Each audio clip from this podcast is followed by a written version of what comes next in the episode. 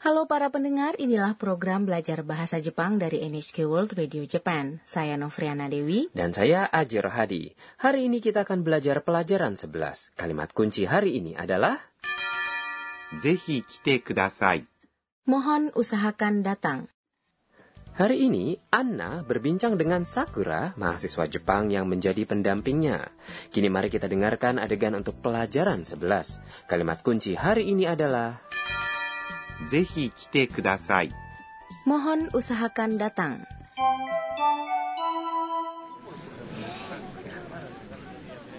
「今週の土曜日に寮でパーティーを開きます」「さくらさんぜひ来てください」わあ行く行く今度の土曜日ね Sekarang mari saya jelaskan sedikit mengenai adegan ini.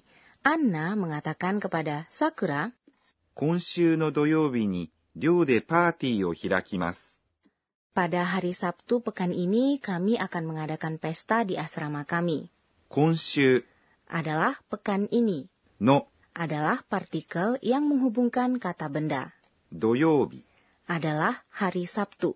に yang artinya pada adalah partikel yang mengindikasikan waktu. Di sini, partikel no menghubungkan konshu dan doyobi. Dalam bahasa Jepang, kata benda yang menerangkan diletakkan sebelum kata benda yang diterangkan.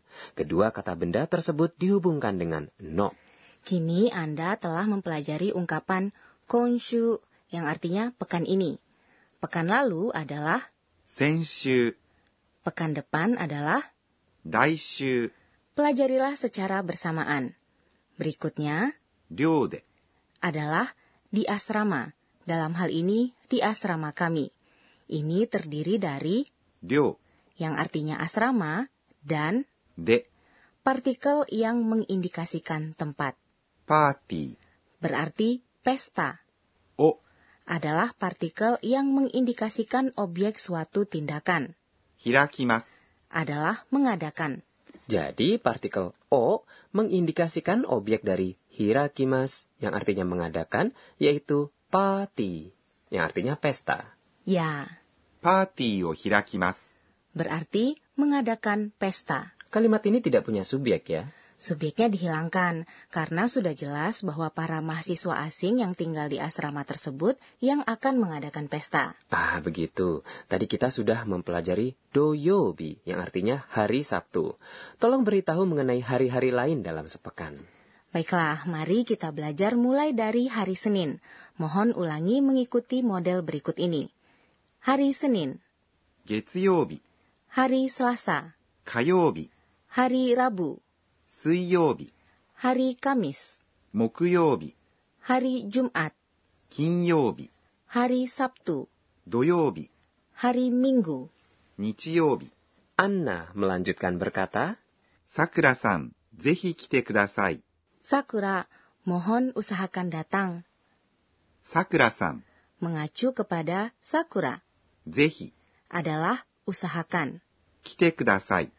adalah mohon datang, yaitu ungkapan permintaan, 来て、 adalah bentuk T dari sebuah kata kerja 来ます。 yang artinya datang, ください。 adalah mohon.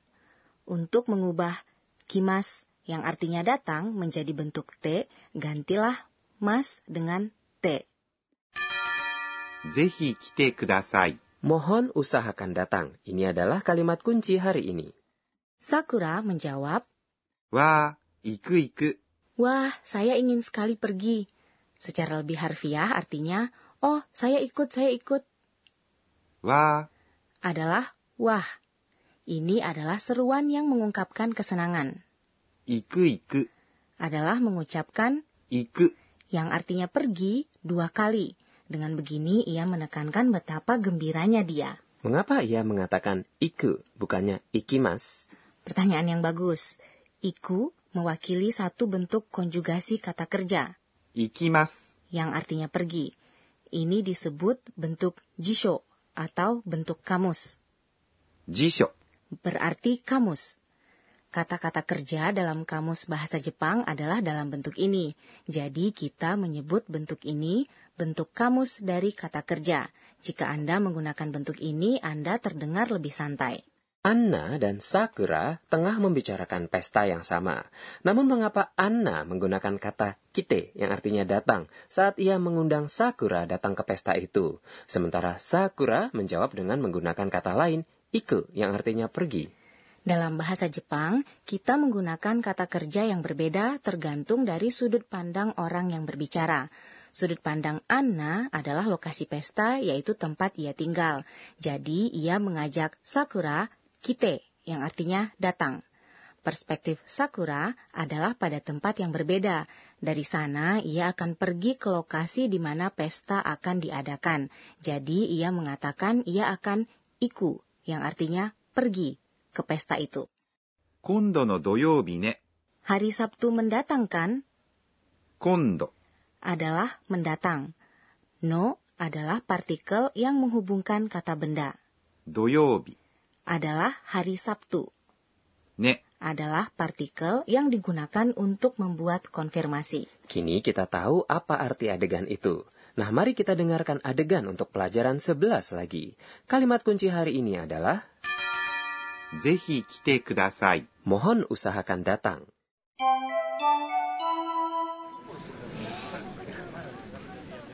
「今週の土曜日に寮でパーティーを開きます」「さくらさんぜひ来てください」わあ行く行く今度の土曜日ね Sekarang saatnya pojok Sensei Oshiete. Penyelia program ini, Profesor Akane Tokunaga, akan mengajarkan poin pembelajaran hari ini. Hari ini kita telah belajar mengenai bentuk kamus dari kata kerja. Mohon ajari kami bagaimana membuat bentuk mas dari kata kerja menjadi bentuk kamus. Mari kita tanya guru kita. 私が教えましょう Inilah yang ia katakan. Terdapat sejumlah cara untuk membuat kata kerja bentuk mas menjadi bentuk kamus. Pertama, jika sebuah kata kerja punya vokal e dalam suku kata tepat sebelum ます。 buang ます。 dan tambahkan ru pada kata kerja itu. Misalnya, 食べます。 yang artinya makan berubah menjadi 食べる。 Selanjutnya, jika satu kata kerja punya vokal i di dalam suku kata tepat sebelum mas, ada dua pola untuk konjugasi ini. Pertama, buang mas dan tambahkan ru. Misalnya, 降ります。 yang artinya turun berubah menjadi. 降りる。 Kedua, buang mas dan ganti vokal i sebelum mas menjadi vokal u. Jadi dalam 行きます。 yang artinya pergi, Anda ganti ki menjadi ku dan mendapatkan 行く。 ada dua kata kerja tak teratur yang tidak cocok dengan pola di atas. Masing-masing yaitu 来ます。 yang artinya datang dan します。 yang artinya melakukan. 来ます。 Berubah menjadi 来る。 dan します。 berubah menjadi する。 ini hanyalah dua kata kerja namun sering dipakai. Jadi mohon hafalkan ya. Itulah tadi pojok Sensei Oshiete. Berikutnya adalah pojok kata tiruan bunyi. Kami memperkenalkan kata-kata yang menyerupai bunyi, suara, atau perilaku. Kita punya beberapa kata untuk menggambarkan keadaan emosi kita. ワクワク。 Waku-waku, apakah kita menggunakan ini saat terkejut? Bukan, kita menggunakannya saat kita merasa bersemangat atas kegembiraan atau harapan. Kita punya ungkapan serupa lainnya. ウキウキ。 Kata ini mengungkapkan rasa gembira dan suasana hati yang senang. Kita menggunakan ini saat kita merasa sesuatu yang baik akan terjadi. Demikian pojok kata tiruan bunyi. Sebelum menutup perjumpaan, kita simak pojok catatan si Anna. えー、っと今日は Sakura-sang mengatakan akan datang ke pesta kami. Uki-uki. Apakah ia akan menyukai makanan Thailand yang saya masak ya? Saya merasa waku-waku. Apakah Anda menikmati pelajaran 11? Kalimat kunci hari ini adalah ぜひ来てください。 mohon usahakan datang. Ikutilah episode mendatang.